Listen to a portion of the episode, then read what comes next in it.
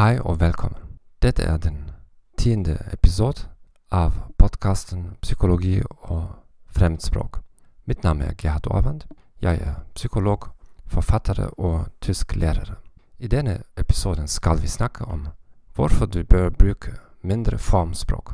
Jeg håper at du ikke har mistet den siste episoden, episoden 9. Hvordan skal du reagere hvis noen ler eller skratter av aksenten eller stemmen din? Nyligen har jeg publisert mitt nyeste bok, bok 21 Self-Limiting Beliefs in Learning a Foreign Language Smashed. Vær så god og teste den. Jeg garanterer at det kommer at spare deg mye tid og mange penger på uproduktive kurser eller med uproduktive metoder. Det finnes på Amazon. Lenken er her på podcast-siden. Kindle-versjonen koster kanskje 8 euro eller dollar. Ok, så hvorfor bør du bruke mindre formspråk? Etter denne episoden skal jeg få mange protester fordi å lære seg formspråk er en favorittaktivitet for mange elever, studenter og også undervisere. Jeg vet at i mange land i verden består mange test av tolkning, av interpretasjon av formspråk, eller det finnes mange professorer som gir det en betyg beroende av antallet formspråk du benytter. Kanskje finnes det sådanne kriterier også på forskjellige offisielle tester, og det er selvklart at du måtte adaptere det til av testen eller klassen du er. Jeg også snakker ikke om at du bør ikke alls lære det formspråk, eller at du aldri bør bruke det. Argument er at språket måtte være så enkelt som mulig for, at, for kommunikasjon, og i mange fall er formspråk en unødvendig, unødvendig komplikasjon. Mitt første argument er at formspråk er knyttet sammen til spesifikke, spesifikke region, land, oftest også religion, yrke, hobby, idrett og ofte også alder. Så i forskjellige generasjoner benyttes forskjellige formspråk. Sannolikheten at benytte formspråk i den passende kontekst er mye lavt, men sannolikheten å bruke den feil er mye høyt. Andre argumenten er at even hvis du bruker formspråk på korrekt måte, så kan det vel være at den andre personen forstår ikke hva du mener.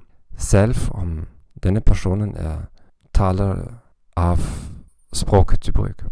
Jeg som tyskere fra Schleswig-Holstein i Nord-Tyskland forstår ikke automatisk formspråk fra Bayern, Sachsen, Østerrike, Schweiz osv.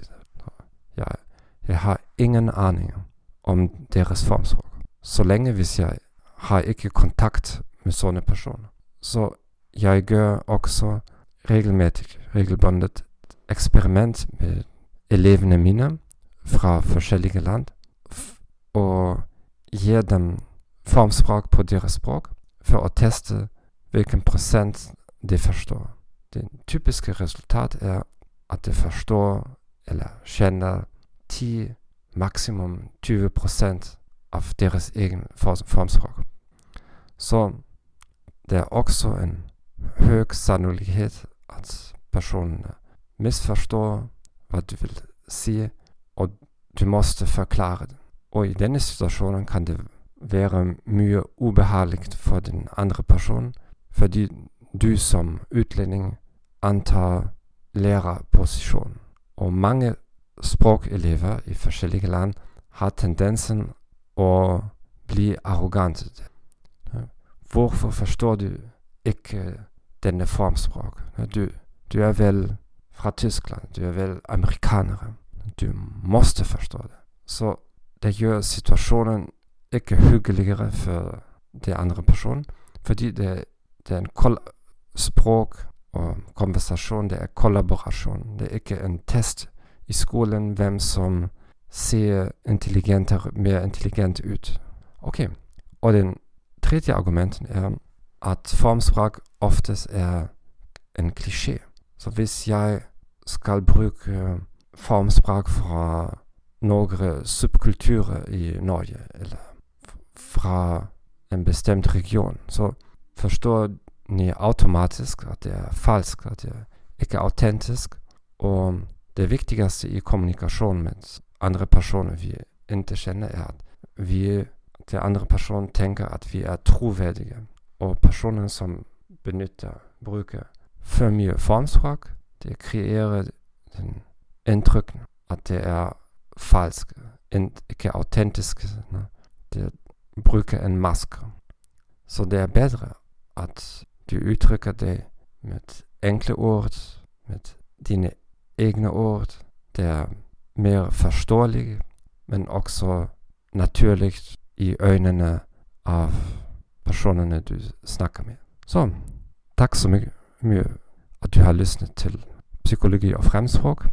Jeg lover at i kommende år skal arbeide med, med norsk og forbedre det hver uke i ganske små steg, men på langt sikt garanterer jeg at allting blir helt ok. Så vi ses i neste år. Ha det bra, og ja, vi ses.